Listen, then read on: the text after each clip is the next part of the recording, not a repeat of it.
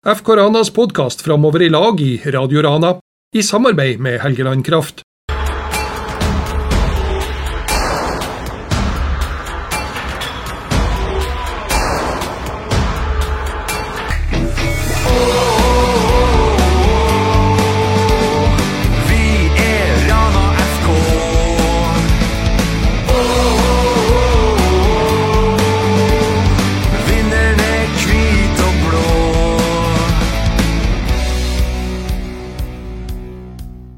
Ja, hjertelig velkommen til eh, en episode med Fremover i dag. Jeg heter ikke Olav Øverli, eh, som dere kanskje forventa å høre. Men mitt navn er da Nicolas eh, Jensen, og jeg er El Presidente i Rateskankene. Og vi eh, har fått lov å ta over eh, podkasten til eh, Rana FK. Den her, eh, den her utgaven som nå spilles av for dere par dager før Glimt-kampen. Eh, Siste hjemmekamp for sesongen, siste kamp for sesongen. Vi skal komme mer tilbake til det. Men jeg sitter da i lag med eh, Christer Rudi Lind. Eh, God dag. God dag, god dag. Hvem er du? Ja, det var jo et godt spørsmål. Eh, Chris heter jeg. Nestleder. Dere har sikkert hørt han på Sagbakken. Det er han som spiller trommer og brøler 'Kom igjen! Ta i nå!' Det er han Chris. Det er meg. Eh, Christer eh, sitter òg her. Hei, hei. Hvem, hvem er du? Christer Anfinsen, tidligere storkeeper for Moil, og nå eh, storsupporter for Rana. Storsupporter for Rana FK. Blir er bare større og større for hvert år som går. Du har det problemet vi, mange av vi supportere har.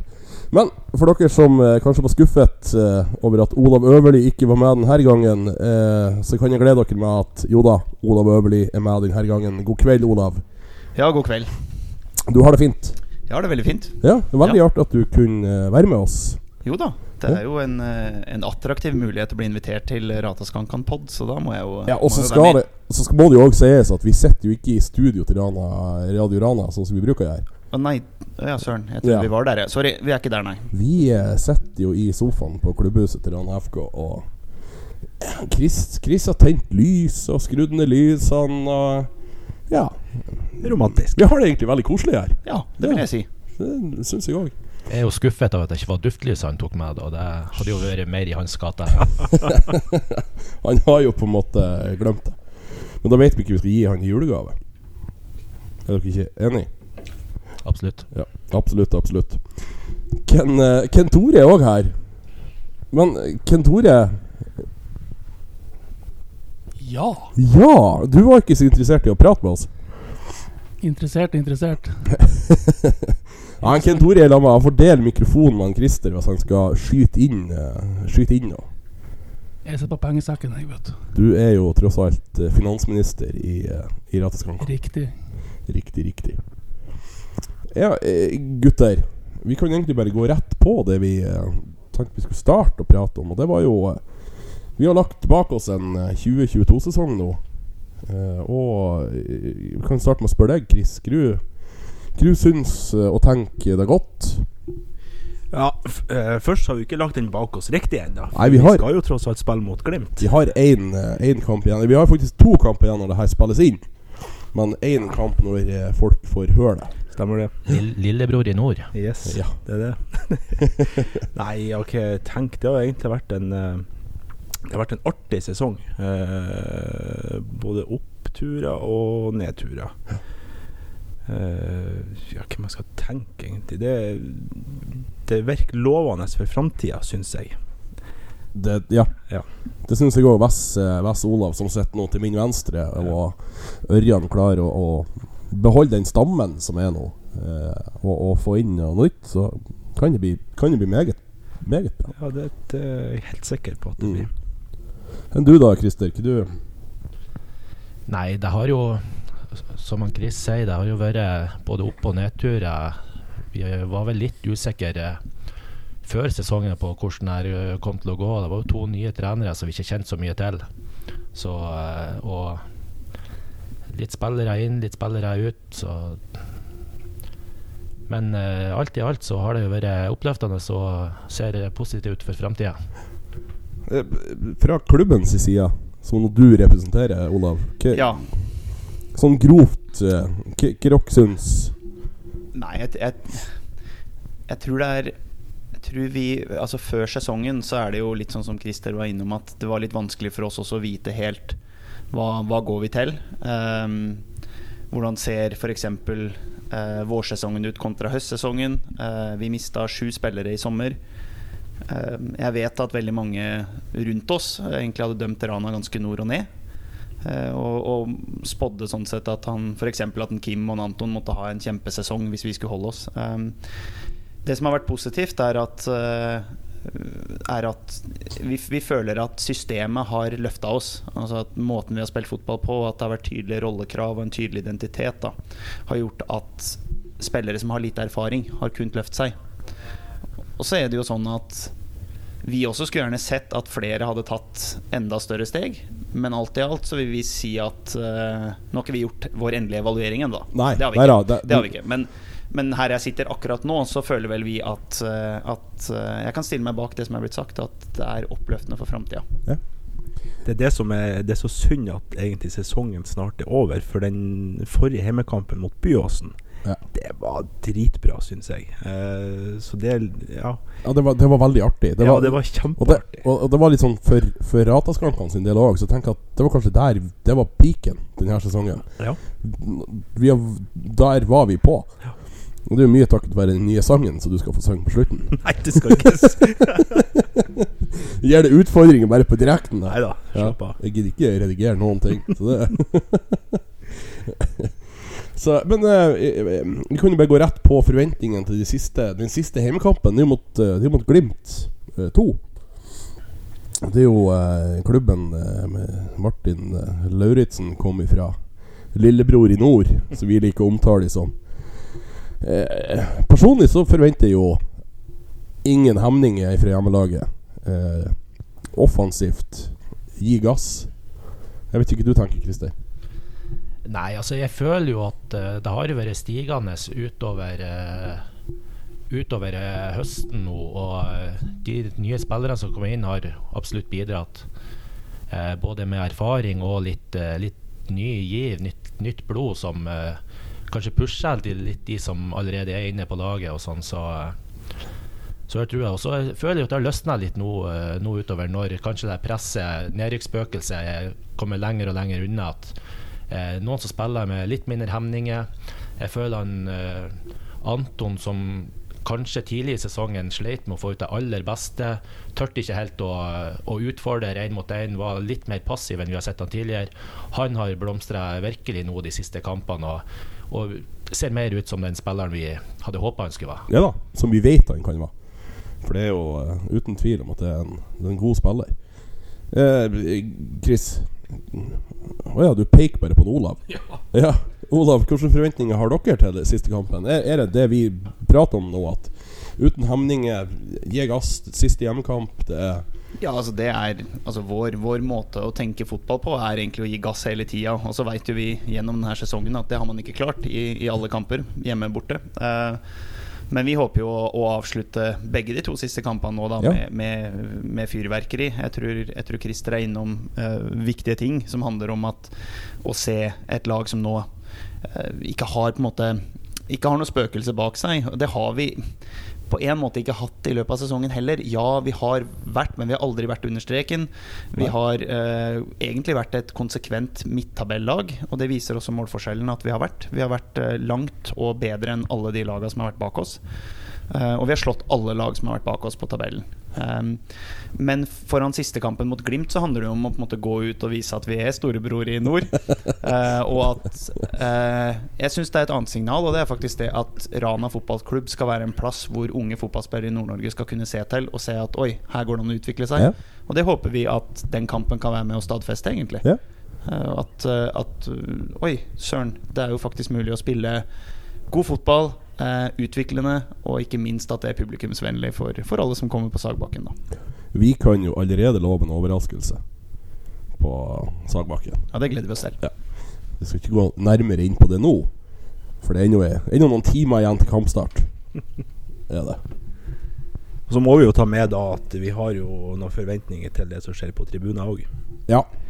Det En ting er det som skjer på banen, men uh, siste heimekamp og uh, siste kampen før sesongen, da, da forventer jeg en full Sagbakken stadion. Uh, og jeg forventer at folk er med og synger og klapper. Så brautende kan jeg faktisk være. Det som Sagbakken har blitt flinkere på Du ser dem begynner å løsne opp. Mm. De gjør det. Og det er artig. Men vi vil jo selvfølgelig ha enda flere med. Ja. Eh, de hiver dere rundt. Det er, ikke, det er ikke farlig i det hele tatt. Det er jo bare litt kleint. Det er jo ikke noe mer enn det. Det er jo ikke, det er ikke farlig. Jeg syns ikke det er kleint lenger. Nei, nå, det, det, det, var det i begynnelsen, veldig kleint, men eh, det har løsna. Og det, har, det, det er ikke noen hemninger på oss lenger. Det er ikke det. Og du ser eh, dem både til høyre og til venstre for oss. Det begynner å løsne der òg, og folk er med og klapper, og folk synger, og folk står opp. Og, eh, så får vi hele Sagbakken stadion til å hoppe og synger. Da, da, da er vi fornøyd. Ja. Da legger jeg opp. Da er det, Det er over. mitt, det da er er det ferdig mål. for min del. Da har jeg gjort det jeg kan. Da er det, da er det nok. Du ser ut som du har sporet. Ja, jeg sa jo bare Vi hadde jo en eh, fantastisk tur til Steinkjer tidligere i ses høstsesongen. Ja. Eh, og vi merka jo der at mange av de som vanligvis ikke er med og synger på heimekampene, det var, det var bra mye lettere å reise og være med og synge når ikke naboen sto og ser på. Eh, Hjelpa jo kanskje med en eh, seks timers eh, busstur med øldrikking òg, så eh, det er kanskje en kombinasjon der som gjorde at det var lettere å synge på bortebane. Men det går an å synge uten å bare ete et uh, speilegg og karbonade. Det prøver vi sist. Ja, vi gjorde jo det. det Mm. Lørdagskafeen vår. Det er koselig, det.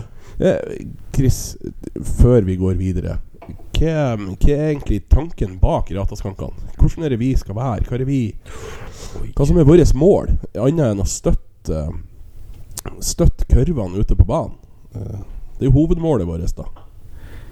Ja, det, er jo et, det er jo et stort spørsmål, egentlig. Men det må også for min del så er det jo det å, å være med og delta på kamper og støtte Rana. Eh, og håpe at Rana kommer seg opp noen divisjoner i de årene som kommer. Men så er det jo det å inkludere folk. Det syns jeg er fantastisk artig. Du ser det kommer eh, noen sjenerte eh, folk bort til oss og gjerne vil være i lamma. Og det å inkludere dem uh, syns jeg er helt fantastisk. Samholdet er vel et, Ja, eh, ja. Et fint ord å bruke. Eh, til venstre så er det en heter Nick, og, og derfor vil jeg spille over til han Olav som står på andre sida. Hva, hva, er, altså, hva er supporterkultur for deg? Hva er Rataskankene for deg og for laget? Altså jeg vil begynne Grunnen til at jeg nikker, er egentlig fordi at um, jeg har vært medlem sjøl. Nå vet jeg Kent Tore kommer til å reagere veldig her, men det får være. Uh, men jeg har jo sjøl fulgt Bodø-Glimt i mange år. Ja. Fra jeg var åtte år gammel, så så, så jeg min første Glimt-kamp. Og jeg har vært medlem av Glimt supporterklubb i sør, jeg har vært medlem av Glimt supporterklubb i Midt-Norge. Jeg har vært på Aspmyra og stått på J-feltet. Og ikke sant? Det, er, det, handler om, det handler om tilhørighet, tror jeg. Ja. Det handler om å kunne knytte seg til noe som er litt større enn deg sjøl. Og så ser du veldig mange andre som gjør det samme. Og det er derfor jeg blir både stolt og ydmyk når jeg kom hit. Fordi at det å være trener i Rana fotballklubb, det er noe helt spesielt. Vi er ikke det beste laget akkurat nå, selv om vi ønsker at vi skal være det. Men det handler faktisk om at når du går ut på Sagbakken, så opplever du noe som ingen annen norsk tredjevisjonsklubb opplever. Og som trener for det, så blir jeg utrolig, utrolig stolt, egentlig. Ja, ja. Å få lov til å være en del Ja. av. Eh, det, håp, da- det, det håper jo vi. At, ja, og jeg, jeg har jo sett Jeg har jo vært der og sett hvor, hvordan på en måte På Glimt-kampen, f.eks. cupkampen, hvordan det her kan se ut i praksis når det er en toppfotballkamp. Da var det 1700 tilskuere, og da bestemte jeg meg for at det her må jeg få oppleve igjen. Om så bare være rundt et lag som opplever det. Da med Rana FK, regner med. Absolutt. Ja, absolutt. Der fikk vi inn absolutt vår òg, vet du. Det er bra. Det skal være løst og ledig her i kveld. Ja, ja, Ja, ja, ja. Det skal være avslappende. Ja. Nei, men jeg, Du er jo inne på det med, med fellesskap. Det er så artig. Jeg, jeg visste jo av han Chris Rudi før, eh, men bare sånn Ja, vi jobba jo på samme plass. Samme plass. Jeg visste nå litt hvem jeg var, men Ja. nå føler jeg jo at du har blitt en kompis. Ja. Ja. Det kan hende at du ikke føler det samme, Ditto. men eh, ja. Christer han har jo vært kjent lenge. Kent Tore kjente jeg jo heller ikke før, før jeg begynte med det. Første gangen jeg så han Kent Tore, det var i Mosjøen. Vi var og så eh, Rana FK mot uh, Mosjøen. Jeg kjørte minibuss. Han parkerte selvfølgelig i veien med sin hvite Mercedes, sånn som han bruker å gjøre.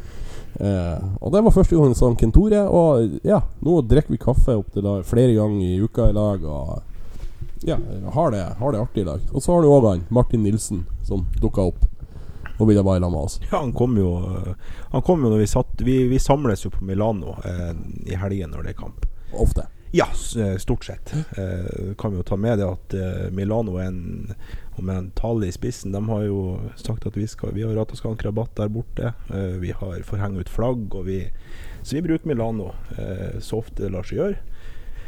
Eh, og der kom jo han Martin alene. Ja. Eh, hallo. og, og siden den gangen så har han vært med oss, og du har vel hatt han Ja, hjemme, vært hjemme, da vært hjemme tre ganger. Ja, ja, ja. Vært hjemme og sittet rundt bålpanna og drukket vin og Ja, ja, men altså. Men det som er artig, det er at det er en gjeng som har lyst til å dra i samme retning. Ja. Men vi er samtidig uenige om hvilken vei vi skal gå. For det er ikke bestandig vi er enige, Chris. Nei, men bare det blir på min måte. Det er det helt greit. det er er ditt mål med alt. Eller så blir han snurt. ja. ikke, og ikke bare litt snurt heller. Nei, men, men hvis jeg kan skyte inn der, da, så blir jeg, ta det litt ned igjen, så er jeg Det Rataskankan på en måte er for for klubben og for oss og for folk rundt, det er det jeg mener også at Rana fotballklubb har potensial til å bli. Det her med fremover i lag, det her med fellesskap, det med tilhørighet. Vi, er ny, vi er en ny klubb basert på en veldig stolt fortid. Men vi må gå i en retning som handler om å knytte fellesskap og tilhørighet. Og det, jeg tror at uansett hvordan det går på tabellen, så håper i hvert fall jeg, og jeg veit Ørjan tenker det samme, at hvis vi kan dra fra Mo med at vi har skapt fellesskap og tilhørighet og langt mer måte, rundt Rana fotballklubb, både på aktivitetssida, men også på supportersida eller på dugnadssida, så, føler vi at vi har vunnet. Altså, da, da har vi vunnet noen ting. Ja. Så det går, det går For oss så handler det her om et mye større eh, engasjement enn kun tabellen. Det handler om mye av det Rataskankan og det vi snakker om nå, som handler om Og- eh, tilhørighet. Da. Og du, ja. når du var inne på det, så, så um, var det jo en artikkel i Ranabladet for i, ikke så lenge siden om det her fremover i lag. Konseptet fremover i lag. Eh, det kommer vel en egen podkast om det. Men du kan kort gå inn på hva tanken bak fremover i lag Jeg syns det, er en- det er en fin ting. Fremover i lag. Vi, vi har et mål, det er framme. Men litt sånn Hva er målet? Hva er Hva ligger i det? Jeg skal, jeg skal prøve å være presis nå, fordi vi har Altså Rana fotballklubb sin visjon er fremover i lag. Og jeg, når jeg kom hit, så vet jeg at det har blitt jobba med måte den visjonen fremover i lag. Men jeg mente at det her kan bli noe mye, mye større. Så jeg og Jimmy har de siste ja, seks månedene jobba ut det jeg vil kalle for Rana fotballklubb sin bærekraftsvisjon, altså bærekraftstrategi.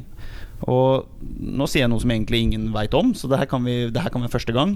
Men i hvert fall fremover i lag-visjonen vår nå skal handle om bærekraftig samfunn. Det skal handle om bærekraftig sport, og det skal handle om bærekraftig miljø. Og innafor det så handler jo det da om å finne ut hvilke bærekraftsmål eh, er det vi ønsker å knytte til oss. Og på, gjennom dem så skal vi gjøre mye aktivitet. På hele Helgeland, i Mo i Rana som by. Eh, og gjennom det så skal Rana fotballklubb bli en klubb som er mye, mye større og gjør noe mye mer for både bredde og topp. Eh, og det som vi har lagd nå og har presentert for noen partnere, det er veldig spennende. Og det vil kreve voldsomt mye arbeid, men vi har veldig tro på at det er noe som eh, kommer til å gjenklang eh, helt fra Brønnøysund i sør altså til eh, Storforskjei, holdt jeg på å si, i nord. det, det I men lenger nord skal vi ikke. Vi, vi stopper ved Storforskei. det får man nok. ja, nei, for det der det, det, er jo, det er jo interessant, og det er jo artig med med det konseptet at vi skal en vei i lag. Og det, som supporter er det jo veldig artig å være med på det. På den biten. Eh, Chris, du ser spørrende på meg. Har du noe du har lyst til å tilføye? Nei, jeg tar meg en snus. Det var det jeg gjorde. Det er som sagt veldig uformelt i kveld. Det er bra. Mm. Ja, eh, vi må se litt mer tilbake. Vi har hatt en eh, lang sesong vi har lagt bak oss. Og det har vært mange både opp- og nedturer og mange fine øyeblikk. Og Jeg utfordra eh, de her karene som sitter på å komme med årets øyeblikk. Og det kan jo være flere øyeblikk. Eh, jeg vil gjerne få start. Kent Tore skal få være med på det, ja. Kent Tore kan få start. Ja, ja, ja. Lån mikrofonen til han Christer. Ja. Jeg har to ting som mine store altså, øyeblikk. Én, det er skåringa til Iversen mot Trygg Lade. Ja. Det målet henger i lufta i tre sekunder sikkert før den går inn, og det bare står og venter og venter og venter for å få lov å juble. ja Deilig ser følelse. du vet, du vet at det skal bli mål. Det blir mål, det må bli mål, det ble mål. Ja. Det andre er jo selvfølgelig når en liten gutt på seks år plutselig står inne på Rana Blas i direktesending og sier 'Hei, hva du gjør?' Hvem sin lille gutt var det? Det er min lille gutt. Et fantastisk Han Theo, opplevelse. han Theo han er jo hovedrataskanken. Altså, han er Hvis han ikke blir rataskank eller han er FK-spiller, så har du gjort noe feil. Da har jeg feila, det jeg skjønner jeg veldig godt. du feila stort. Ja, Det var et stort øyeblikk for en stolt far. Ja, men det skjønner jeg. Jeg syns det er jævla kult. Det er bare bus på.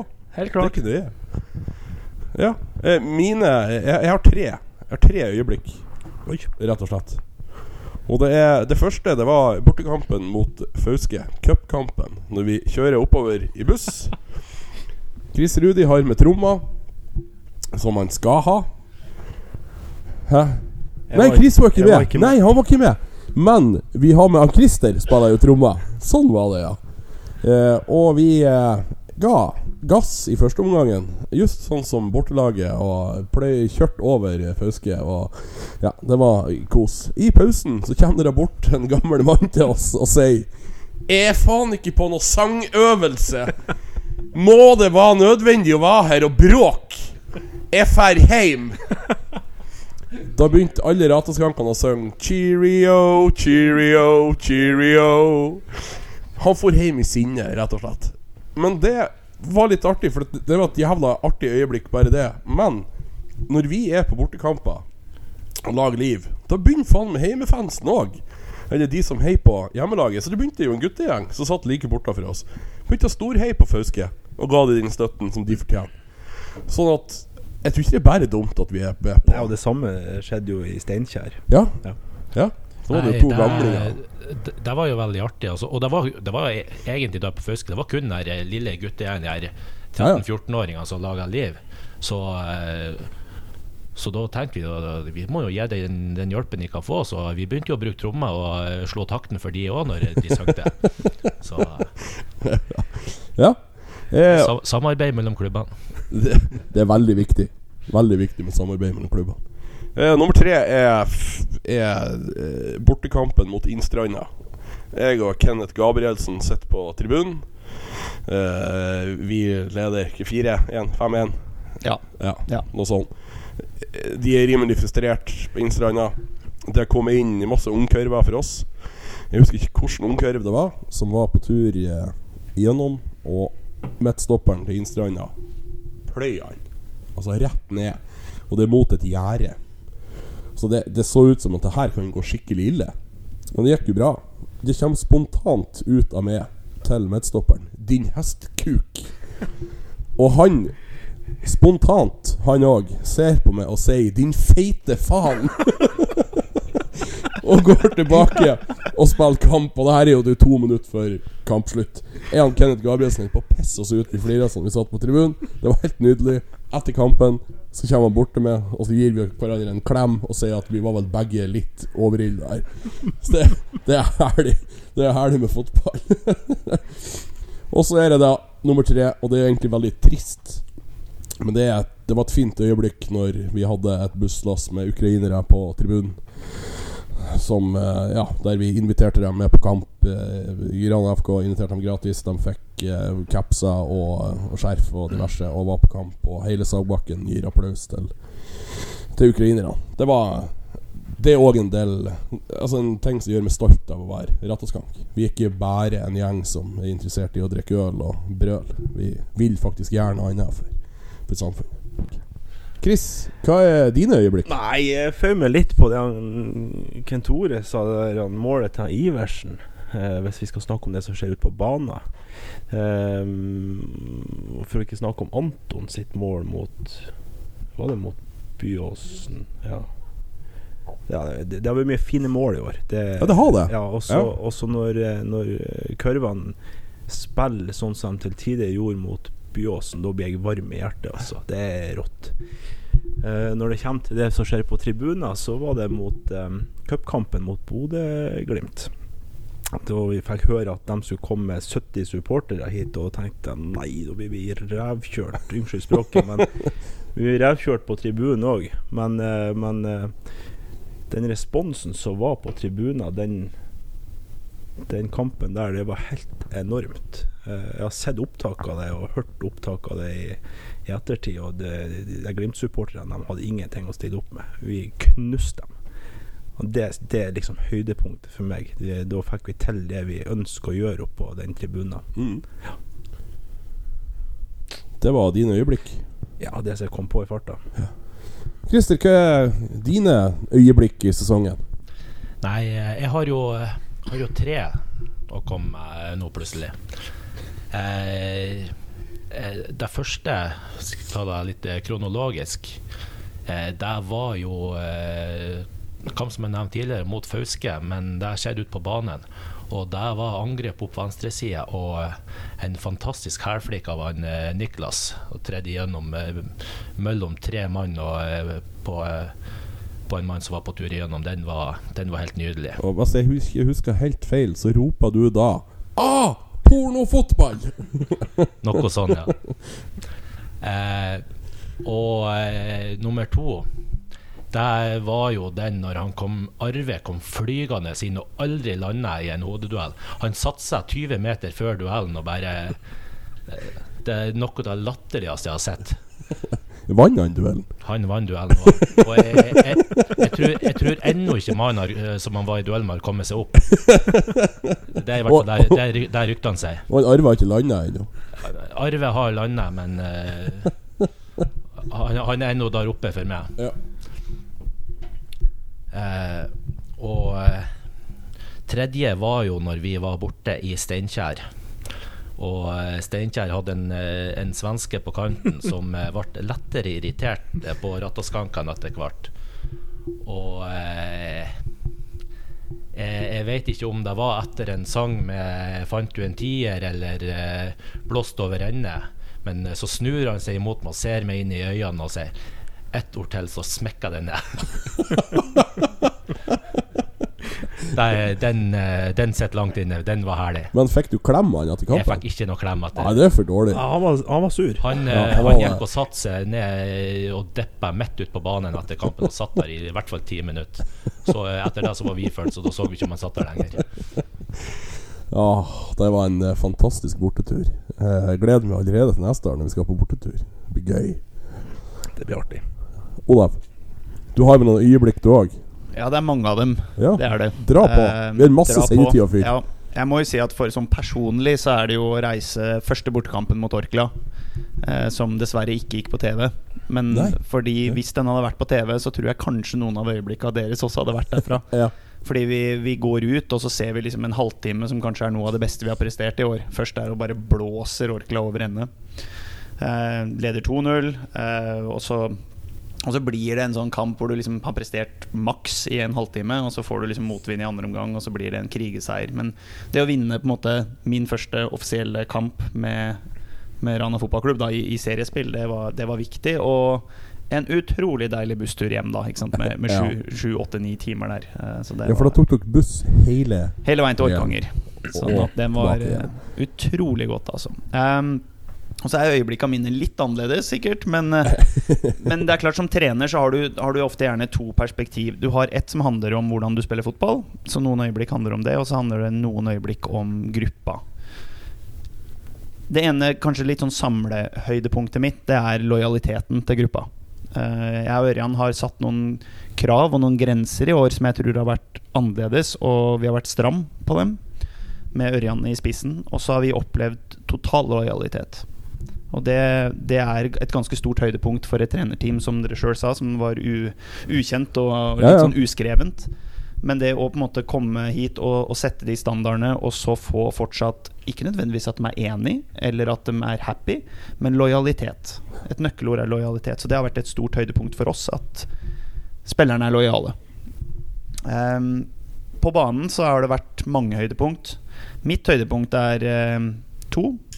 Det er borteturen til Steinkjer. Det handler om pakka, det handler om ramma, det handler om Rataskankan. Det er det kuleste jeg har opplevd som aktiv på fotballbanen i hele mitt liv. Ja. Jeg har hatt noen kule øyeblikk også sånn da jeg var junior, og sånt, men eh, det er det kuleste øyeblikket hvor Hillevi, tror jeg det er, i det 89. minutt Jeg snur meg rundt, og hun må forlate dere. Og hun snur seg og går vekk og skriker høyt 'Jeg orker ikke mer! Jeg orker ikke mer!' eh, når da Steinkjer står og pumper baller inn i feltet vårt. Og da skjønte jeg at det her betyr mye for folk. Så det var et høydepunkt sånn, Ja. når jeg ser det i etterkant. På banen så er begge måla mot Melhus. Det er så høy klasse over de måla vi scorer mot Melhus, sånn rent identitetsmessig. Spesielt førstemålet, hvor eh, Aksel drar seg innover fra bekken. Det ønsker vi. Vi ønsker at bekkene våre skal dra av press. Slipper opp en spiss som detter ned i mellomrom. Som legger igjen på en indreløper som er rettvendt. Som slipper Kim igjennom, altså motsatt indreløper igjennom. Og så scorer vi. Og det er absolutt Det tikker alle bokser av vår identitet. Og Derfor så kan vi være utrolig stolt av det målet. Og det er et høydepunkt som jeg, jeg går ofte tilbake og ser på det målet og tenker sånn Hvis vi kan spille sånn fotball, ja da, da kan vi gjøre mange mennesker glad, da. Mm. Og så skjønner jeg veldig godt at det er mange gode mål av enkeltspillere. Men som trener så er lagsmåla det jeg setter definitivt høyest, uten tvil. Um, og så det siste høydepunktet, det er um, Det er at jeg er her. Altså signering, at jeg kom hit. Og tross alt Mo har betydd mye. Jeg veit jeg sa det her mye i starten Ja, av året, men uh, nå kan jeg sitte her i retrospekt og si at uh, uh, angrer ikke ett sekund. Og det er et høydepunkt. Mm. Enda kjerringa i Bodø og Jo, savner du, jo selvfølgelig meg masse, men det, er sånn det, det gjør folk som har du har møtt til og meg. med klart, klart å bli gift i løpet av det her året. Ja. Nå la du opp til Smash, Fordi at nå kunne du liksom sa- så, sånn ah, Du har blitt gift det her året, Olav. Det nevnte du ikke som et av høydepunktene dine. Nei, men, men du ble ikke gift på fotballbanen. Nei, men det, Det er egentlig litt skuffende. Ja, det, jeg satt og tenkte på det sjøl. Det er jo litt skuffende at ikke meg Ja, var på, dumt, på fotballbanen. Du begynte jo å kjøre bil igjen. Tusen takk for den, Christer. Jeg gjorde det. Jeg mista lappen her før jeg hadde signert, til og med. Uh... Og vi er helt ristet over at det går an å miste lappen i en Yaris. Det er jo helt utrolig. Jeg syns jo det er ganske utrolig å miste lappen på egentlig prakt Altså jeg mener I praksis var det parkeringsplassen på Sagbakken jeg mista lappen. På nyttårsaften. Altså Det er jo ikke folk her. Hvordan går det her an? Og det, men det her er jo da en, en liten stikk i sida til politiet på Mo. Ja. Som da tydeligvis ikke kan ha noe skjønnsmessig vurdering av det de gjør. Men uh, alt i alt så kommer jeg greit unna det. Så det er derfor vi har drevet og sunget 'Han kjører hvor han vil'. Ja, du var ikke klar over det? Nei, det var jeg ikke. ja, okay. Jeg har bare sunget trodde Ja, du var bare hever deg på. Jeg tenker jo kanskje at en sånn En trener som er sånn, kommer til en klubb og håper på en litt sånn kul trenersang og sånn, han håper på noe mer enn han kjører hvor han vil. Men jeg er stolt, absolutt. Ja, men du, det, det, blir, det blir han Chris. Han skriver hele tida. Ja, Prøv nå i hvert fall. Men eh, herregud, jeg skulle ha laga sanger til alle sammen. Men det, Ja, vi, er, det, det, det- er vi, skal ta, vi skal ta sjølkritikk på det. Det er, det er for få spillere som har fått sin sang. Det er mange som fortjener Mange flere som fortjener Ja, men jeg satt og kikka på eh, Kanskje det er jeg som er døv på ørene, men jeg satt og så eh, en kamp her, Bodø-Glimt eh, Arsenal. Uh, og så satt jeg og hørte på sangene. Det gjør jeg veldig ofte når jeg ser fotball. Da konsentrerer jeg meg veldig om hva de på tribunen gjør. Eh, jeg kan ikke påstå at jeg hører så veldig mange sp eh, spillersanger, egentlig. Nei, det er, det, altså, det, er, det er få av dem. Ja. Det er få av, av, av er spillersjangere sånn. Og jeg, jeg, liten historie der, da, for dere så det sannsynligvis ikke, men mot Byåsen, da. Så nederst liksom i hjørnet, motsatt hjørne av der dere står, ikke sant. Der spilte jo Martin Skjæran. Ja. Og nede i hjørnet der så hadde jo dere Han hadde akkurat hatt en takling eller vært en duell eller et eller annet sånt noe med en Byåsen-spiller som han da vant, og dere synger jo 'Sønnen til ministeren'. Vi har sønnen til ministeren. Ikke sant? Og da ser jeg Martin Skjæran, for han er vendt vekk fra dere. Og han står med et stort glis sant, og hører på der. Og jeg sånn, Han er så stolt av å ha en sånn sang, så jeg, jeg tror ikke dere skal tenke å ha dårlig samvittighet for sangene. For Nei, det er det har vi det betyr ikke. så mye av Martin Lauritzen. Kommer fra Glimt 2-kamper. Det har vært 20 stykker på tribunen, og det er foreldre på hele Aspmyra. Og så kommer han hit, og så får han egen sang. Han er så stolt! Dere skulle bare visst, altså. Ja, Så det, altså- det er all honnør til dere for å lage sanger til ungguttene, altså. Ja, Men også eh, altså, Martin Skjæran Han hadde kommet til å fått sang uansett om han ikke var sønn til ministeren. For eh, de her, når han takler på vår side, og han kommer kastende inn i ei sklitakling og bare du ser bare det brølet hans mot Snur seg eh, imot oss. tribunen. Du ser en som bare elsker å sette inn ei takling, og Eller- spesielt å gjøre det for, for oss. Ja, nettopp. Og der kommer poenget. Fordi at, er det det at han liker å takle, eller veit han nettopp fordi han er sønn av ministeren? Så han veit jo at ok, der er folket som jeg skal liksom Dem skal heie på meg. Jeg skal ha stemmene deres. Yes, nå skal jeg juble. Ja, men det Skal, gjør, skal gjøre det bra på meningsmålingen. Ja, det er akkurat det. det gjør jo ingenting. Det er jo bra. Nei, det er jo fantastisk. Det er jo Ja, underholdning. ja, ja, ja. Fotball er jo underholdning. Men vi Jeg jo sier han er jo sønn av politiker. Det er jo, Tross alt. Men vi har jo mange sanger om spillerne, og det er veldig artig, og, og det kommer flere. Ja da. Eh, men vi, kan, vi, vi klarer ikke å ta alt på en gang. Nei, og så er det jo noen som vi prøver, som vi ikke helt får til. Og eh, noe går jo der for at uh, vi er en gjeng som stort sett uh, de fleste av oss mangler rytme og, uh, Ja, vi har, vi har én mann har mann som har rytme i, i supportklubben. Det er Chris som spiller trommer. Ellers er det, er Jo, fritt. takk. Ja, ellers er det fritt. Det er Jeg har så lite rytme at det er utrolig at jeg klarer å gå over gulvet uten å ramle. Så det er Men det, altså, det er jo det, det er et ganske herlig kick å, å stå på tribunen og spille trommer, rope i megafon og få folk med. Og, Det var sånn eh, før forrige hjemmekamp, som kanskje noen hører, så er jeg litt forkjøla. Og da var jeg rimelig ferdig. Jeg tror jeg hadde til og med hatt feber sånn jeg var der. Jeg var det er jo det som, det, det er, jo det som er, du kan si det negative med det vi holder på med, og i hvert fall som eh, jeg kaller meg noen forsanger. da Eh, der, er, der går et par uker før stemmen er tilbake igjen. Altså på kvelden etter kampen Det var helt lemster i stemmen. Høres ut som jeg hadde stemmeskifte igjen. Ja. Hørtes ut som ballene nettopp ramla ned i sekken. Det var faktisk så ille. Det er jo en grunn til at den offisielle drikka til Rattoskankene har blitt eh, buljong. Ja. Buljong i pausen. Klart Når du hører stemmen begynne å sprekke etter fem minutter av kampen, da eh, skjønner du hvor det her bærer hen. Men Men det er klart, når du hver gang du spiller, så må du brøle litt ekstra. Det er klart det hjelper ikke på nei da. på stemmen. Nei, det er, det, er, det er veldig artig, da. Olav ble lei og fær hjem nå, tror jeg. Ja. ja. Han skal få lov. Vi kan ta en, en pause. Ja, det er vi inne igjen etter en uh, Dere hører det ikke på podden, men vi hadde en liten pause nå. Olav måtte uh, selvfølgelig på dass, og så var det jo noen som skulle leie der i huset, og han har styr og stell, så Kent måtte gjøre ting. Så vi har prata om, eh, om øyeblikkene våre i år. Eh, jeg har litt lyst til å, å Vi har fått inn eh, litt nytt og Christer, du er jo den eneste av oss som har på en måte erfaring ifra å spille på Du har spilt andredivisjon, stemmer ikke det? Det er det høyeste du har spilt? Jeg har spilt andredivisjon fem eller seks år, tror jeg. Du sto i mål på eh, Mo Il. Ja, Ja. så jeg sto i mål, så om du vil kalle det spillfotball, det er jo Jeg, jeg var jo keeper sjøl, sånn. Jeg anerkjenner jo keepere. Jeg er ikke sånn som Peter Crouch jeg ikke anerkjenner keepere. Nei, det mener jeg på at det er bare gærninger. Det, det ser han tydelig i sin podkast. Men eh, Christer, du hadde, du hadde litt lyst til å uh, gå gjennom hvordan du syns laget har utvikla seg, og hvordan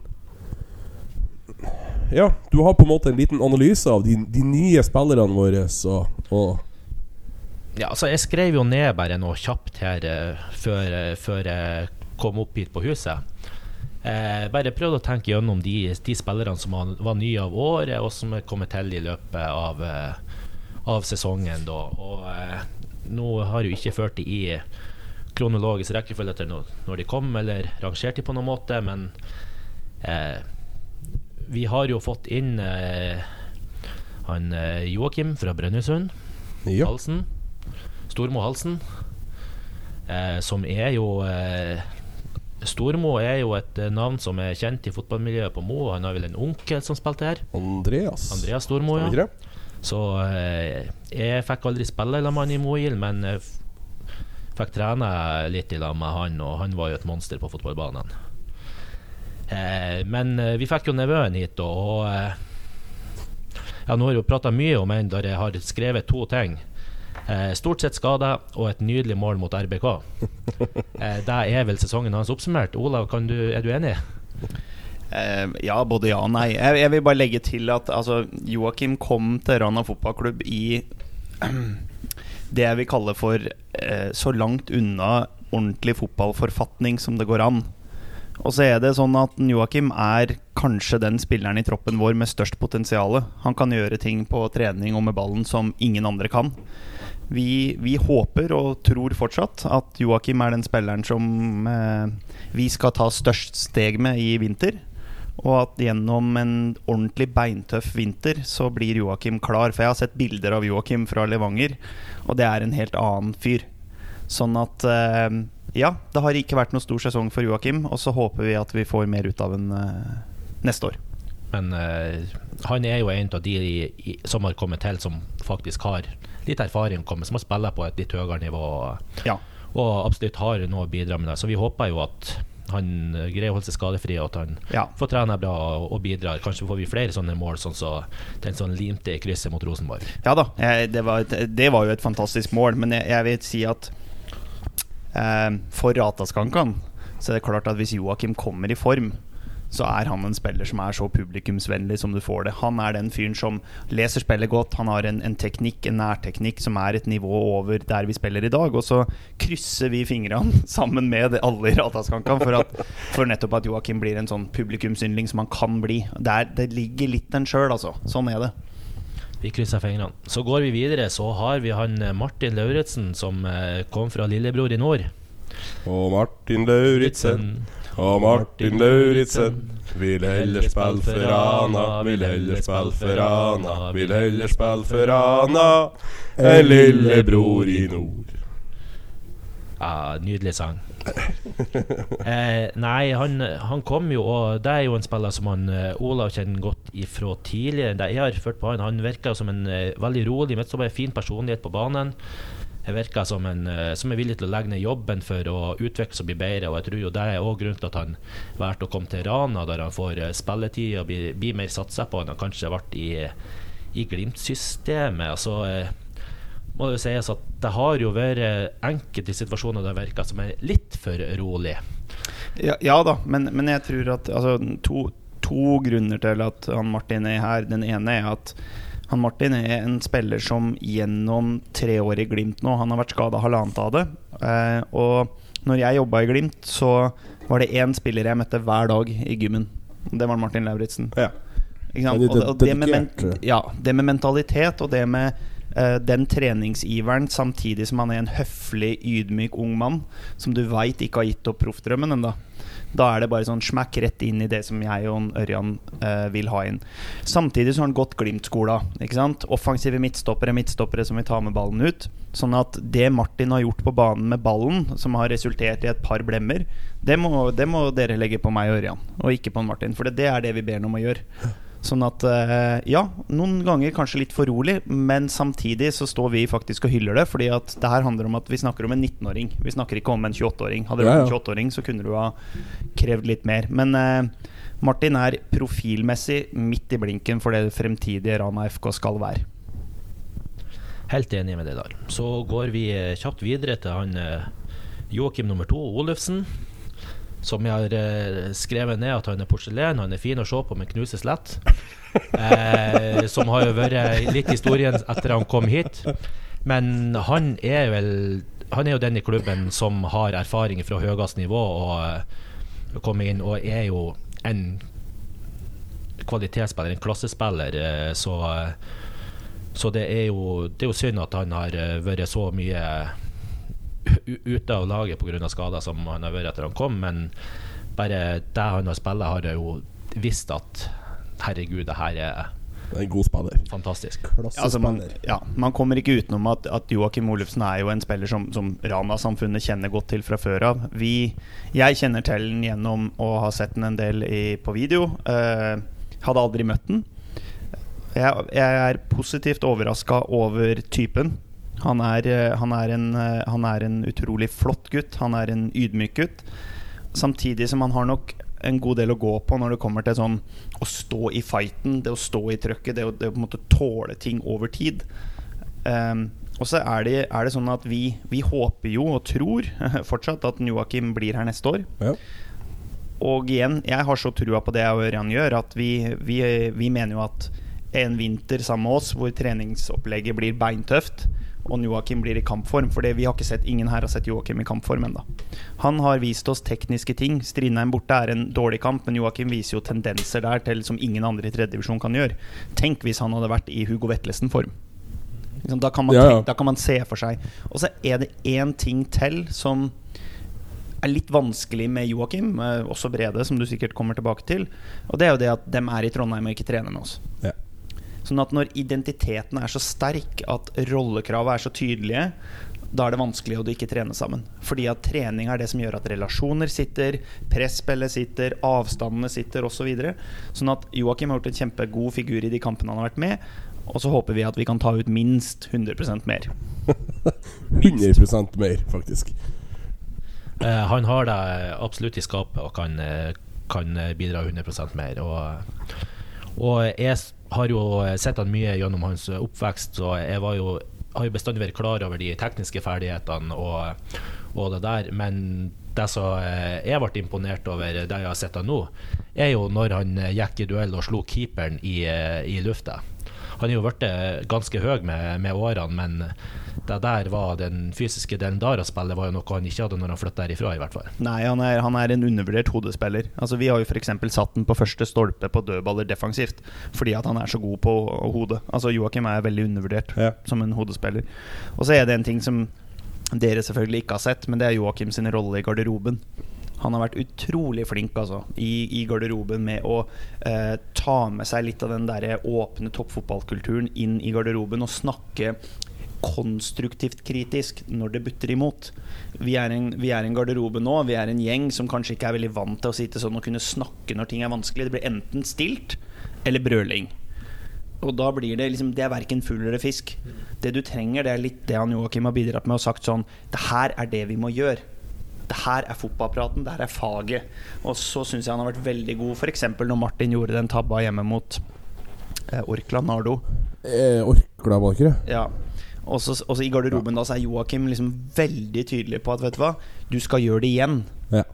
Du må ikke, Martin, stoppe nå, for det er det som kommer til å hindre deg til å bli god. Sånn at det å hjelpe Martin Lauritzen, som er sju-åtte år yngre, det forteller noe om at han Joakim har vært i en toppfotballkultur, syns jeg. Og det, det har vært unikt for vår garderobe, og derfor vil vi ha han enda mer her. Ja, ja, ja. Og det er vel Og vi det, vil jo veldig gjerne ha Ja, ha vi vil jo her. òg veldig gjerne ha han her. Han skal få en sang. Men eh, da går vi glatt videre til han andre som du eh, nevnte, som var i litt samme situasjon som han Olufsen, sånn pendlermessig. Han Brede, som var så heldig at han fikk en sang eh, lenge før han begynte å spille for klubben. Når jeg tidligere var her, så sto vi og sang 'Kom bare hjem til han'. Eh, så, eh, så vi tar jo all ære for at han nå er kommet hjem. Skal dere bare gjøre. Eh, der har jeg skrevet C. Olufsen. Så der det stort porselen, fin å se på med knuseslett. Eh, han har jo òg eh, vært eh, bra mye skada etter han kom, men eh, desidert bidratt når han har vært på banen. Ja, det, det, det er godt oppsummert. Um, Brede er en spiller som er godt kjent i Trondheimsmiljøet. En spiller som har en enorm tilstedeværelse. Um, han er veldig dedikert, eh, har et sterkt fotballhode og uh, tenker mye fotball hele tida. Og så er det jo en gang sånn at han, han Brede sliter med legga sine. Han fikk en hamstringstrekk der, eh, litt sånn samtidig som at Olufsen sant, driver og hangler. Ja. Um, men Brede er jo uten tvil en spiller med voldsomt potensial, ikke nødvendigvis som en naturlig målskårer. Men jeg er i hvert fall veldig opptatt av at det Brede gir et 4-3-3-lag i nierrollen, er voldsomt kraftig i presspillet. Litt som Olufsen, hvis Brede ønsker og vil, han er hjertelig velkommen til å bli. Og jeg tror at hvis presspillet vårt har Brede i front, så har man potensial til å maltraktere en god del motstandere. Men vi veit at Brede har igjen mange år på, på lærerstudiet i Trondheim. Og man må respektere at de unge guttene her som ikke lever av fotball, har, har mange andre ting de skal, skal gjøre. Så vi får se hva tiden bringer. Vi får se, vi får se. Forhåpentligvis så eh, Når han er ferdig med lærerstudiet, i hvert fall, så, eh, så kommer han hjem og kan bidra. Så er han utdanna lærer. Det, det er bi- bi- bidra på ungdomsskole eh, her på Mo. Absolutt. Rana U der. Absolutt. absolutt. Eh, og så har vi jo eh, den eh, umiddelbare klubblegenden som kommer inn fra Møre, han eh, PK. Han har for langt navn. Han har for langt navn. PK fra Møre. Han har for langt navn. Jeg vet ikke, eh, Det er vel ennå få i Rattaskankan som har lært seg hele navnet hans. Det er, Ja, jeg, jeg tror det er Helle Hildre på slutten, men eh, eh, jeg ser eh, vi, vi står jo egentlig og håper at han ikke skal score. Når, når, når spikeren begynner å, å rope 'Per Kristian', og vi står der og ser på hverandre, hva faen skal vi svare nå? No, noen roper Helle, noen roper Hildre, noen prøver på begge delene. Eh, det er, men eh, det er jo en som eh, vi i Ratteskankan umiddelbart har vært eh, kjempeglad i. Han har jo kommet inn og hver gang han har vært på banen, om han har startet eller kommet inn, så ser du han er s- konstant sulten. Han, eh, Ja. han er bestandig Han er på jakt. Han, ja eh, han, han utviser en sånn glede når han, og når han er på banen. eh, Han har sånn lyst. han- er det som enkelte på laget vil ta rop når du ser han sprenge. Spis han! Ja. Nei, men jeg, jeg, Bare for å legge til det, da, så tenker jeg at Og det er jo det er godt for oss som har blitt kjent med Per Kristian, at han, at han er blitt tatt så godt imot, ikke minst av gruppa, men også av dere i Rataskankan. Fordi Per Kristian er kanskje verdens herligste fyr. Ja. Uh, og igjen profil. Altså han, går, han, han passer midt inn i den profilen som vi ønsker her. Unge, flotte, stødige menn som ønsker å bli best. De ønsker å legge ned jobben, men de ønsker å, unnskyld, å være en god representant for Rana FK i det hele bildet. Og jeg mener at Per Kristian sånn sett er, er på en måte den ultimate signering. Og så er det en gang sånn at vi skal levere på banen, og Per Kristian, som mange andre, trenger tid. ikke sant? Han trenger tid til å forstå rolle, han trenger Ja, ja, tid til å komme i form. Men vi har, han har hatt en voldsomt bra utvikling som kulminerte egentlig i Byåsen-kampen, hvor han løper skjorta av seg som nummer ni. Og det igjen, jeg tror både Rateskankan sine tanker om at de vil se Rana FK-spillere som jobber og sliter og står på, det står midt i blinken for det jeg og Ørjan ønsker også. Det så ut som han var, han var sliten på slutten der. Så det, Det var vel derfor han ble tatt av. altså, han, han hadde jo to fantastiske driblere. Ja, ja, ja, ja. eh. Dessverre så var ikke avslutningen eh, like bra, da, men han hadde en når han bare drar gjennom midten og bare drar av mann etter mann. og eh, Faker og legger den ut til venstre, legger den over på høyrefoten og blåser den ti meter over. Og det er og det, det, det, På trening så var det sånn at i starten her så jobba Vi har jobba ganske bra med, med, med PK nettopp på at han må bli mye mer direkte. Han må ikke drible så mye. Han er ganske stor. PK er stor og sterk spiller. Mm. Han har mye kraft. Um, og han brukte mye tid på stopp og start, og det er noen Ja. kilo sant, å, å, å flytte på seg. Så det vi ønska, var jo at han i mye større grad kjørte bare en høyre-venstre, og så kom til avslutning. Og det har han gjort på trening nå, og jeg tror vi kommer til å se en spiller som kommer til å bare løfte seg og løfte seg og løfte seg. Så vi ønsker jo at PK blir her, og, og fortsetter reisen mot å bli en komplett ranværing. Ja, det ønsker vi òg. Ja, og da er vi på bølgelengde der, altså. Nei, det, det som er, skrevet her, at PK, umiddelbar klubblegende er, Han er den type spillere som ratteskankene setter pris på eh, med en gang vi så han på banen. Altså, Sjøl første kampen når eh, innhoppet han fikk og eh, han, selv om han, han var ikke mange ganger borti ballen, men vi så bare på innstillinga når han kom ut på det. Det her er en spiller som vi blir å elske. Eh, så eh, vi håper at dere gjør en god jobb der og får han til å, å bli ranværing. Eh, lære han litt eh, litt dialekt og, og sånn. sånn seg. Du, du er jo ekspert på Rana-dialekten, det, det hører vi jo når du prater. Nei da, det er jeg jo ikke. Men, Jeg skulle, jeg skulle akkurat å si at du er jo ikke rette mann heller, du som prater kav dønnværing. Så det, ja. men, men det er klart, eh, sånn som det er nå, så har han og Martin Lauritzen De har jo bodd sammen i en leilighet. Sånn at nå har du en da fra, fra Brattvåg, og så har du en fra Bodø. Da slår vi det sammen, så sier vi at det blir en ranværing til slutt, da. Møtes på halvveien. Absolutt. Eh, og så har vi jo, eh, skal vi se eh, Niklas Sundsvåg kom jo inn før sesongen som, eh, som ny spiller. Eh, og jeg har jo nevnt tidligere at han sto jo for, for min del for årets eh, Lekkerbisken med en hælklakk mot Fauske. Men eh, ellers så eh, har det jo vært veldig lite av å se på ham på banen. Han har jo dessverre føyd seg inn i rekken av signeringer som eh, lager porselen. Veldig fin å se på, men eh, Vi vil se enda mer av han. ja. Ja, jeg Jeg har jeg- veldig med, god tro på Men jeg tror vi alle vil se mer av Niklas på banen. Uh, det er nå engang sånn at, at um, både skader og gule kort og prioriteringer gjør på en måte at det er akkurat der vi er nå. Mm. Så vet alle, tror jeg, både i Bodø-Glimt og, og i Rana, at, uh, at potensialet til Niklas er stort. Han er en venstrefota, kvikk, uh, spennende backspiller. Men for et trenerteam så, så er det sånn at vi, vi må prioritere de vi tenker kommer til å spille 90 minutter over tid. Akkurat nå har Niklas dessverre vært uheldig for hans del, skada i lang tid. Fikk seg en skade som gjorde at han er ute av resten av sesongen. Og da blir et spørsmål, og det er på generelt grunnlag, ikke til Niklas, men eh, hvordan håndterer man det? Velger du da å jobbe steinhardt for å bli skadefri og ta vare på deg sjøl og kroppen din? Og han er jo bare 20 år gammel, så han Ja, ja. er jo en ung, ung gutt som har alle mulighetene foran seg. Og ikke minst er han jo en fantastisk type, han Niklas. Han, han er en, en sprudlebass i garderoben og en, en flott fyr. Så vi håper han kommer tilbake, og at han angriper vinteren med, med full kraft, altså.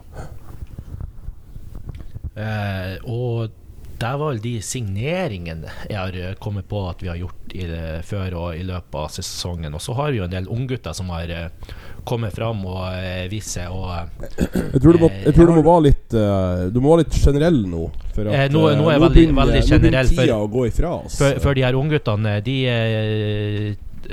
Jeg kjenner ikke igjen verken ved utseende eller ved navn ennå.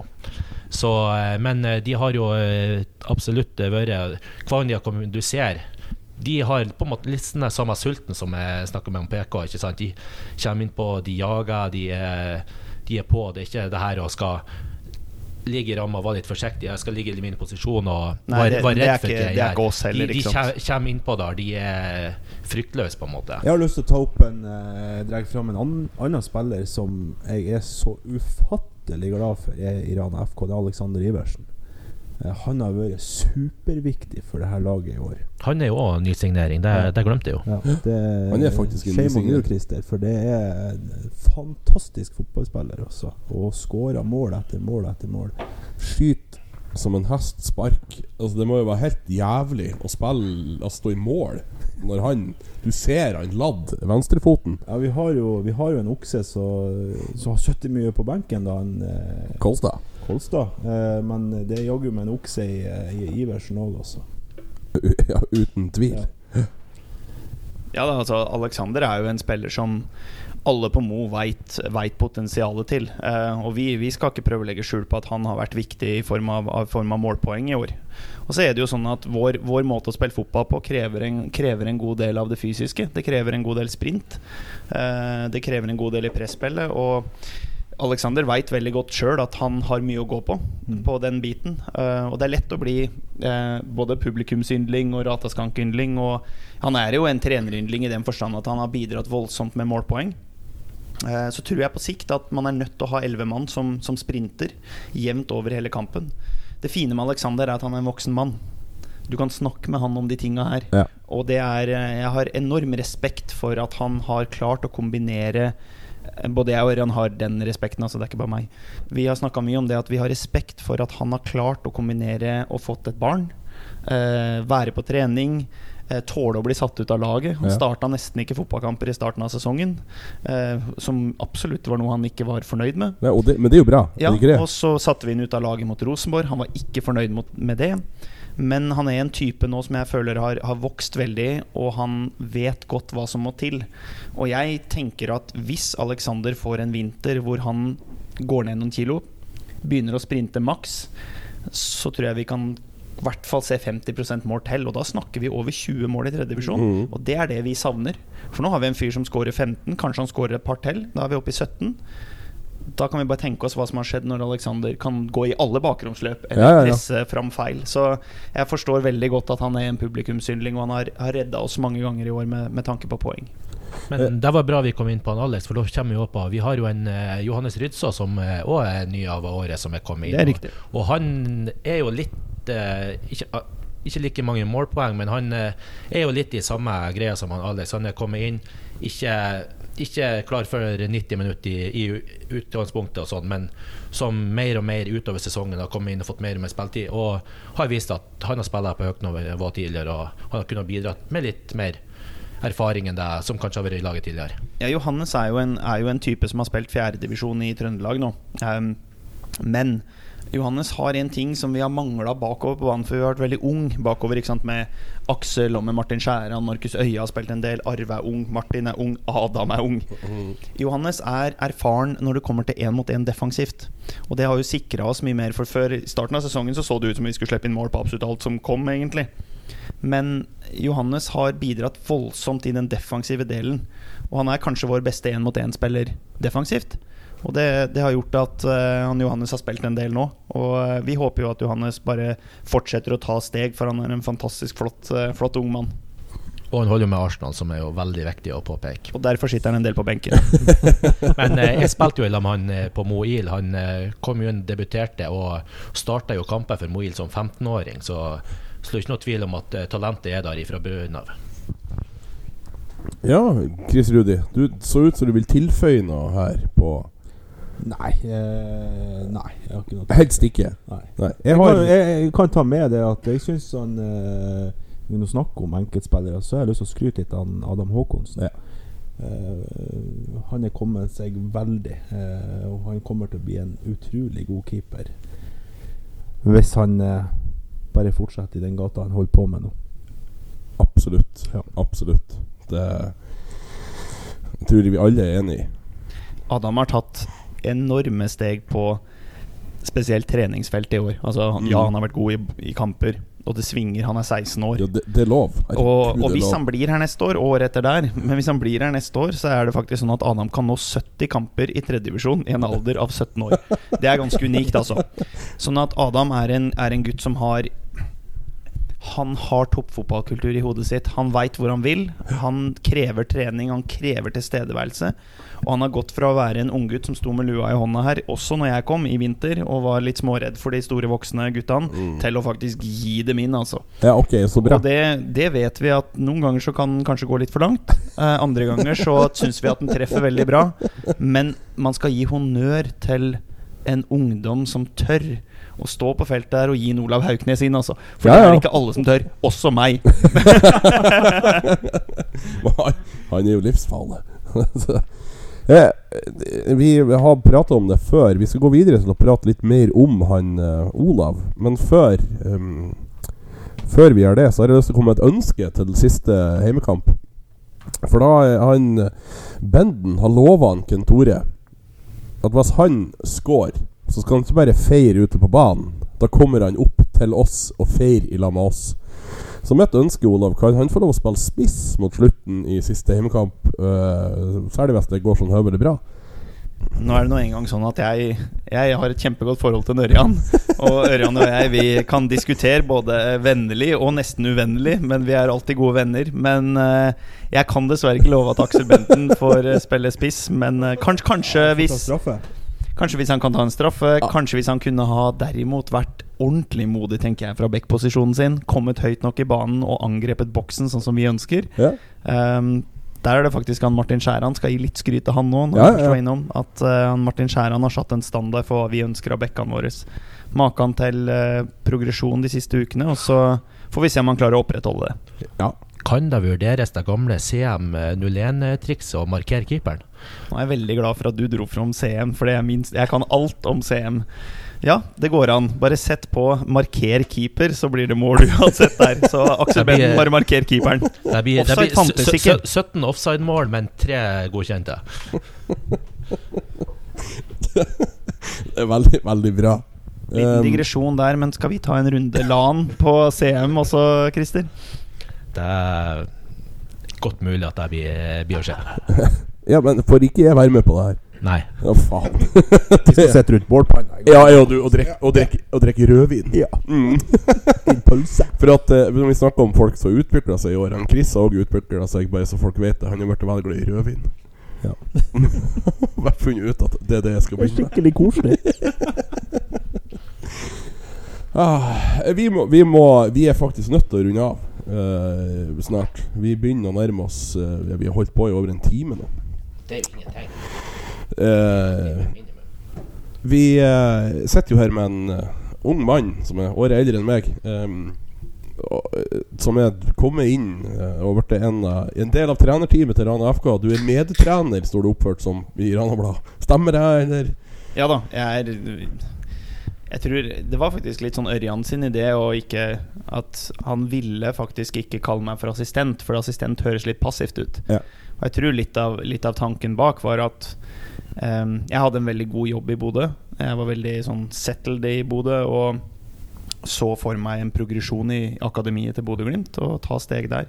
Så jeg tror det var litt sånn snilt også av en Ørjan at vet hva, han skal ikke kalles assistent. Han ja, han har ting å komme med som går utover assistentrollen. Og så er jeg jo 50% medtrener, da, eller A-lagstrener, og så er jeg 50% utviklingsansvarlig i klubben. da Ja, men det er jo Jeg var jo så uheldig å omtale første gangen jeg inter intervjua deg i hermetegn som hovedtrener. Og Da var du kjapp med å påpeke at det var du ikke. Det var bra jeg var rask, da.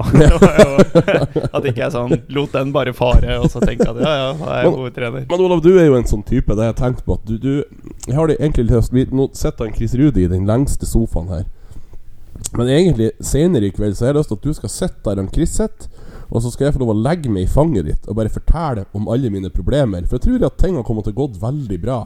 For du slår meg som en sånt Du er et mildt vesen som kan si ifra når det gjelder. Er, er det her noe du kan kjenne deg igjen i?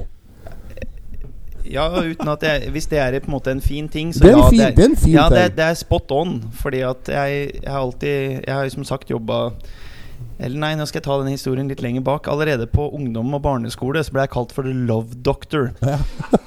og, og og ram, altså ramma rundt det her handla rett og slett om at jeg, jeg dreiv og da fiksa folk som liksom på barne- og ungdomsskole var litt kjærester, men ikke helt var kjærester. Ja, ja, ja. Da kom The Love Doctor inn altså, og fiksa det. Og så gjennom det så har jo både mamma og pappa, men kanskje aller mest mamma, sagt sånn at du må jo du må jobbe med folk, Olav. Ja. Sånn at eh, det gjorde jo Det tok meg jo ned en, en vei som? Man skjønner jo tegninga. Jeg var elevrådsrepresentant, og jeg var liksom mye sånt, da. Eh, og så har jeg vært sosionomutdanna og blei barnevernsansatt. Eh, og har jobba som terapeut. Sånn at ja, du har rett. Altså, jeg, jeg anser meg sjøl som et mildt og for så vidt hyggelig ves Ja, ja vesen. Som absolutt ikke har problem om du, Nicolas, legger deg i fanget mitt og, og deler av erfaringene dine. Ja, ja det, det gleder jeg meg til. Ja. Eh, men eh, hvordan tror du det har gjort deg til en bedre trener? Jeg starta jo seint. Jeg begynte så seint som i 2017-2018, akkurat i årsskiftet 2017-2018, med å ta grasrottrener. Uh, og da var det av en eller annen grunn Så bare spurte jeg pappa Tror du ikke jeg kunne blitt en god fotballtrener. Og så, Da var jeg 29 år, altså. Så jeg spurte fattern om det. Og så sa han at jo, men det tror jeg du kan bli. Så begynte jeg å snakke med andre folk, og så tok jeg bare der. Og når jeg først bestemmer meg for noe, så bestemmer jeg meg for det. Så da tok jeg grasrottreneren veldig raskt. Og så tok jeg B-lisensen min litt for raskt. Jeg var ikke klar for det, egentlig. Jeg var ikke god nok. Um, men jeg fikk ta B-lisensen min, og jeg fullførte jo med helt ok gjennomsnitt på poeng og sånn. Men det som er misforstått med trenergjerningen, tror jeg, da i det moderne samfunnet, det er at de menneskene som du jobber med nå, dem er ikke Stuart Pears, for de som husker Stuart Pears. Ja, psycho. Når Stuart Pears var 17 år, så er han eldre enn det jeg var nå. Eller det jeg er nå. Han var 35 i hodet når han var 17 Mm. år. Vi jobber med mennesker som har blitt eh, Litt hardt å si, kanskje, men litt dulla med. Du møter ikke Stuart Pearce lenger. Du møter mennesker som har fått på en måte feid problemene unna. Sånn at det å jobbe nå handler jo i stor grad om å forstå hele mennesket. Om å snakke med dem, om å spørre dem, om å være glad i dem. Og i fotballtrenergjerninga tror jeg at det er nesten litt som å banne i kjerka. Ikke sant? Og si at du er glad i spillerne. Du skal jo straffe dem hvis Ja, de gjør det dårlig. Du, skal jo, du skal jo være hard.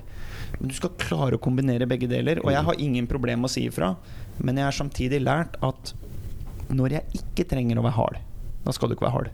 Da skal du være god og snill og hyggelig og omtenksom. Og det er verdier som står sterkt hos meg, da.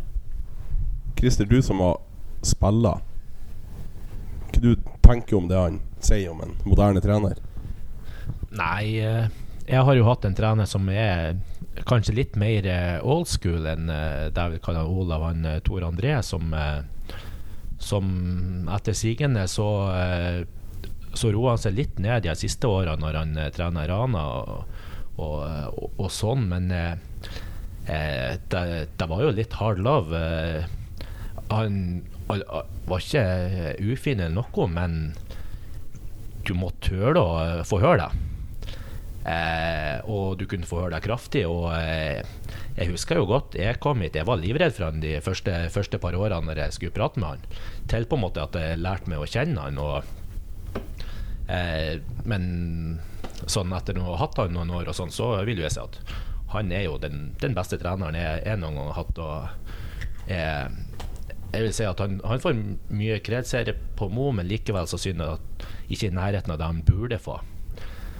Eh, men så klart, eh, gjennom årene opp gjennom eh, 2007 og oppover etter så, jeg, så merka jeg jo mer og mer de her eh, unge spillerne som eh, kom opp. Det var, det var spillere som, som du sier, var blitt dulla med, som var vant til å gjøre ting på sin måte, og som eh, eh, de var ikke vant med å bli satt på plass og få noe kjeft. Og det var mange talentfulle spillere som kom opp på A-laget og på trening og sånn her, og som ikke turte å få beskjed. Og det var ikke snakk om å få kjeft engang. Det var bare De turte ikke å få en beskjed om at det her er ikke bra nok, eller eh, på noe eh, annen måte enn at ja, ja, du kunne ha gjort sånn i stedet, men en direkte beskjed, det var ikke alle som turte. Ja, hadde du en Ja, nei, jeg tenker at for det første så er det jo noe med at jeg har aldri møtt en Tor André. Altså, jeg, jeg veit av Tor André, og jeg veit av ham også gjennom spillekarrieren hans. Og jeg har en veldig sånn respekt for de som har en erfaring jeg ikke har. Um, og det, det må vi ta læring av. Og så tenker jeg at det er sånn at jeg er vokst opp innafor et pedagogisk rammeverk som handler om at folk gjør ikke sitt beste når alt handler om å bli kjefta på.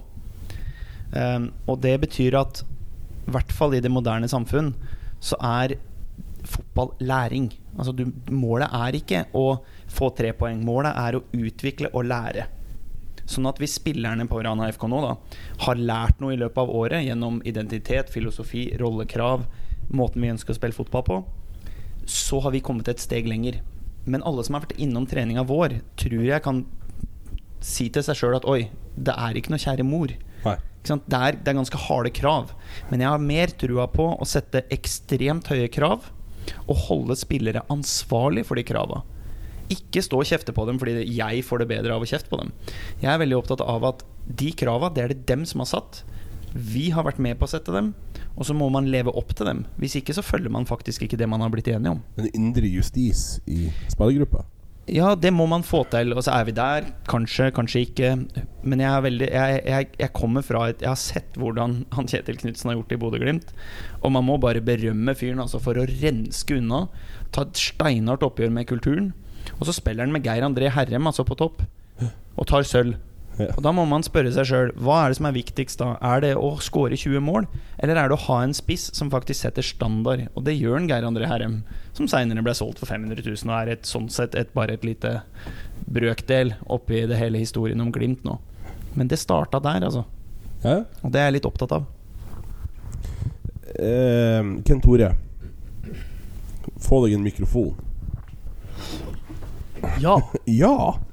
Du, eh, du han, eh, han Olav han har med seg noe overalt. Ja, Olav. De gangene vi har vært på tur, både buss og fly og det som er, så har du alltid med deg ei bok. Hva er historien bak den boka du alltid drar på? Og hvilken bok er det du drar på? Er det samme bok? Ja, det er det. Eller det er, det er, Ja, det er én bok som er sånn kjerneboka mi, og så er det én bok som er i sånn tilleggsgreie. Men det er én bok jeg alltid stort sett har med meg, og det er en bok av Den, den heter egentlig bare 18 samtaler med Arne Næss. Yeah. Uh, og det er 18 samtaler mellom, altså med Erlend Lo og, og Arne Næss. Og det er jo rett og slett en, en samtaler om filosofi. For for meg så Jeg er ikke smart nok til å forstå filosofi. Sånn ordentlig filosofi, altså. Når vi snakker om sånn Jeg har prøvd å lese noen sånne bøker av liksom Søren Kirkegård og Michel Foucault og sånne ting, men det blir altfor avansert, for jeg har ikke gått X-fil og X-fac på universitet. Men den boka, den klarer på en enkel måte å fortelle oss hva som foregår i en hjerne på en filosof. Og Arne Næss for meg, han er den filosofen jeg mest ønsker å være sånn, da, hvis jeg skulle vært en filosof. Han har sjøl eh, tatt den setninga som jeg sjøl har brukt, da, og det er at det er en forskjell på å være barnslig og barnlig. Barnslig det er jo å synes at som 30-åring at bæsj og tiss er kjempeartig. Altså, nå er det lov å le, altså for de som syns det. Jeg syns det er dritartig. Ja. Men Selvfølgelig setting også. ja, ikke sant. Men, men, han, men, han, men han Arne Næss sa liksom det at han tok vare på barnet i seg helt til han døde. Han løp rundt i skogen barbeint som 80-åring. Han boksa som 80-åring. Og han er det han kalte for en, en possibilist. En som har trua på at det fins Vi kan klare det her. Det er muligheter i alt. Og gjennom min, på måte, voks, mitt voksne liv så har jeg tatt mer og mer av det. Og Derfor så vil folk på Mo også oppdage liksom, Eller kanskje le litt. Eller så, 'herregud, nå kommer han igjen'. Nå er det nok en gang et sånt weird forslag. Eller 'han tror han kan få til det'. Men det tror jeg på. Oppriktig. Ja, ja. Sånn som nå så har vi starta allidrett. For første gang så samarbeider vi med alle klubbene. Det som Rana Blad skrev, det har ikke skjedd før. Nei. Og da blir jeg sånn Ja ja, hvis vi får til det, hva i huleste er det vi ikke kan få til? Så den boka, Kent Tore, den den er ganske betydningsfull for meg, og den har jeg med meg fordi at den er delt opp i 18 samtaler. Og så kan du bla opp i hvilken som helst samtale, og så treffer det deg midt i hjertet, noe av det som er der, da. Kent Tore har prata om den boka, og du må ikke tro Olav, at vi gjør narr av den boka. Nei, jeg tror ikke det. Veldig bra. Nei. For at jeg for min del skulle sikkert ha lest den boka, men det, det er det vi skal prate om etterpå, når jeg ligger på fanget ditt. For at mitt motto er at får du ikke til, gi opp. Sånn at eh, det er veldig fint at du som skal få ei gruppe videre, og som du sier, du har fått til det med allidrett. Vi prater òg om e-sport. Altså, det, mulighetene er uendelige for Rana FK og Ja, folk, må bare, folk som hører på det her, må bare forstå at det, det her er bare begynnelsen. Vi skal, vi skal Som sagt, vi skal endre hele kulturen. Og jeg er innmari stolt, for jeg har faktisk et bein og ett bein å stå på, da siden jeg halter annenværing. Men vi skal endre kulturen, og det gjør vi, som jeg, da, så naiv som jeg er, så tror jeg at vi gjør det gjennom én relasjon av gangen. Så når jeg møter folk på kamp nå, så er faktisk det som var mottoet til verdens Altså nå var det verdensdagen for psykisk helseproblematikk, eller verdensdagen for psykisk helse. Ja. Og det, noe av det Frelsesarmeen gjorde da, det var å lage en video om at smil litt mer. Så når du møter folk på gata, sånn, så smil nå litt mer. Hvorfor skal vi være så gravalvorlige? Det er fotball vi holder på med. Det er barn, det er ungdom, det er voksne. Så la oss pinadø smile litt mer til hverandre. Da kommer vi faen så langt, altså. Beklager språket. Helt enig. Det er lov. Du, eh, du er enig, Chris? Ja, jeg er veldig enig. Mm. Men eh, Ja, Chris. jeg, jeg, eh, Spørsmål til Olav, egentlig. Hvordan eh, Når dere reiser på bortekamper Vi er jo ikke med på alle bortekampene. Vi velger oss ut et par bortekamper. Ja. Det handler om økonomi for vår del. Ja. Men noe jeg har lagt merke til Vi ser jo stort sett alle bortekamper på, på direktesport. Eh, det er jo veldig dødt rundt omkring på stadion. Ja. Eh, hvordan, hvordan reagerte du da du kom til eh, Mo i Rana og, og oppdaga Rataskankene og den stemninga som er på stadion her, egentlig? I, i tredjedivisjon? Var, var du kjent med oss før du kom hit? Eh, ja, eller kjent med er jo et litt sånn Jeg, jeg visste om, er vel bedre å si. Um, Men Nei, jeg, jeg tror noe av grunnen til at jeg er her, er på grunn av det. Fordi at jeg drømmer om toppfotball. Jeg drømmer om å være trener eller en eller annen rolle rundt et lag som jobber i toppfotballen. Tror Rana FK er en av skal vi si, tre-fire klubber i hele landet som det oppleves som toppfotball. Og det er litt sånn Det har mange eh, faktorer som spiller inn. Det ene er fasilitetene. Sagbakken stadion er en fin stadion. Det er en god stadion. Det er en moderne stadion. Vi har Stålhallen rett ved siden av, så treningsfasilitetene på vinterstid er Altså det er eliteserienivå. Det, kan, altså det, det er det. Og vi har et klubbhus som ligger fem meter lenger bort der hvor vi sitter nå. Ikke sant? Sånn at arbeidsplassen min er fem meter fra der hvor du skal trene. Tenk så mange rundt omkring som må gå eller kjøre bil til der du skal trene, fra arbeidsplassen din. Og så legger du til Rataskankan, ikke sant? som skaper den stemninga som en toppfotballklubb ønsker. Og som meg som trener og som vil jobbe i en toppfotballklubb, så er det helt unikt. Helt unikt. Og jeg er like stolt hver gang jeg kommer utpå der. Og jeg skal være ærlig og si, så, så åpen skal jeg være, da, at jeg, jeg gleda meg veldig til første gangen jeg skulle høre min sang. Jeg kryssa fingrene, jeg var så stolt inne i Stålhallen her i treningskampen og liksom kunne klappe opp til dere og sånn. For så, så, så liten blir jeg òg, at jeg syns det er stort. Og så kanskje om 20 år så ser jeg tilbake på det, når jeg er den nye Kjetil Knutsen. og kan tenke på at vet du hva, det starta der, da. Det starta i Glimt, og så dro jeg til Rana for å oppleve seniorfotball, for det trengte jeg. Så det har betydd eh, Pakka har betydd enormt, og Rataskankan er en stor del av det, da. Hvis det gir, eh, hvis det gir mening for dere. ja, absolutt. Jeg, for det er en ting jeg legger merke til når jeg kommer i bortelagene her eh, til Mo. da. Eh, ta Rosenborg 2, f.eks., når vi var inne i Stålhallen. Så eh, vi sto og sang. Eh, de står i ring på banen, og forbereder seg til lavspark. Eh, men de klarer ikke å konsentrere seg på det de skal gjøre. De står og ser opp på oss og tenker i svarten er det som foregår her inne. Og det syns jeg er veldig kult, og det ser vi her ute på Sagbakken stadion òg, at det er veldig mange som ser opp på oss og tenker "Hva- det, det, vi, vi er i tredjedivisjon, hva som foregår her? Det er jo som en Jeg, jeg tør også vi, vi har like god stemning som enkelte el- eliteserielag vi har på sine hjemmekamper. Unnhjem, du er i offside! Det, er- det er jo blitt en eh, klassiker. Da er Ivar Unnhjem som konstant var i offside, og eh, en president sjøl som eh, hver gang eh, han sto der, om sjøl om spillet var helt på andre sida, og han var på tur og traska stille hjem, eh, så, så gjalla deg. Unnhjem, du er i offside! Han var vel aldri i offside i løpet av den kampen. Nei, men jeg, jeg, det, jeg husker jo det godt sjøl. Altså, Unnhjem var vel ikke offside en eneste gang der. Jeg tror forsvarsfireren vår var på jordet, men, eh, men Men ja, jeg har hatt nå Assistenttreneren til Byåsen er en av mine beste venner. Rudi.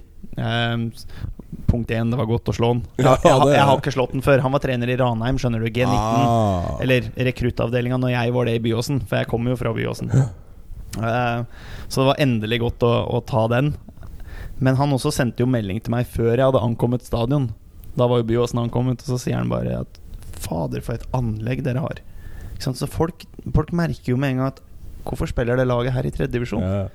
Hvorfor har ikke det her denne byen, som er såpass stor, og som skal vokse med 25-50 innbyggere nå de neste ti åra, hvorfor spiller ikke dem høyere opp? Og det er jo derfor vi forhåpentligvis er her, sammen med dere, for å Hvordan kan vi få det til? Fremover i lag. Ja, fremover i lag. Vi må spille fremover i lag, i hvert fall. Vi må skåre nok mål, og så må vi slippe inn minst mulig mål. Det er målet. Jeg tror det blir veldig bra. Vi, eh, vi skal rett og slett runde av. Jeg skal være profesjonell eh, programleder, sånn som jeg er. Det ble helt stilt nå.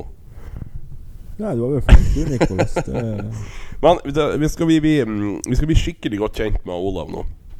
Nå skal han få, skal han få en, en rekke spørsmål, og du skal svare så kjapt. Altså, du, du får ikke betenkningstid. Det er bare rett på svaret. Ok. DDE eller TumDum Boys? DumDum Boys. Norsk eller engelsk fotball? Norsk. Nord-Norge eller Sør-Norge? Nord-Norge. Friends eller Seinfeld? Friends. Lutefisk eller ribbe? Ribbe. Kino eller teater? Kino. Pod eller radio? Pod. Family Guy eller Simpsons? Family Guy. Messi eller Ronaldo? Messi. Der har vi eh, fasiten, folkens. Ifølge Olav Øverli så er det Messi som er den beste fotballspilleren gjennom tiden. Nei. Chris Rudi var ikke helt enig der. Er det noe Vi har vår egen Messi, Ja. vår egen lille Messi. Det har vært en glede å sitte her på en fredagskveld sammen med Chris Rudi, Mm. Christer, Hei. Ken Tore og ikke minst Olav Øverli. Eh, du er fortsatt en veldig trivelig og behagelig mann, og det var veldig artig å få lov å låne eh, plattformen din. Eh, og Jimmy Skulle sin. bare mangle, og takk for de her halvannen timene vi har hatt sammen. Det var, det var artig. Nei, men veldig god. Skal vi for avslutte med sang, eller? Ja! Du leder an. Kurvan Og rata skankan, side om side vi står. Helgelands store stolthet, og vi skal fremover i lag. FK Ranas podkast Framover i lag i Radio Rana, i samarbeid med Helgeland Kraft.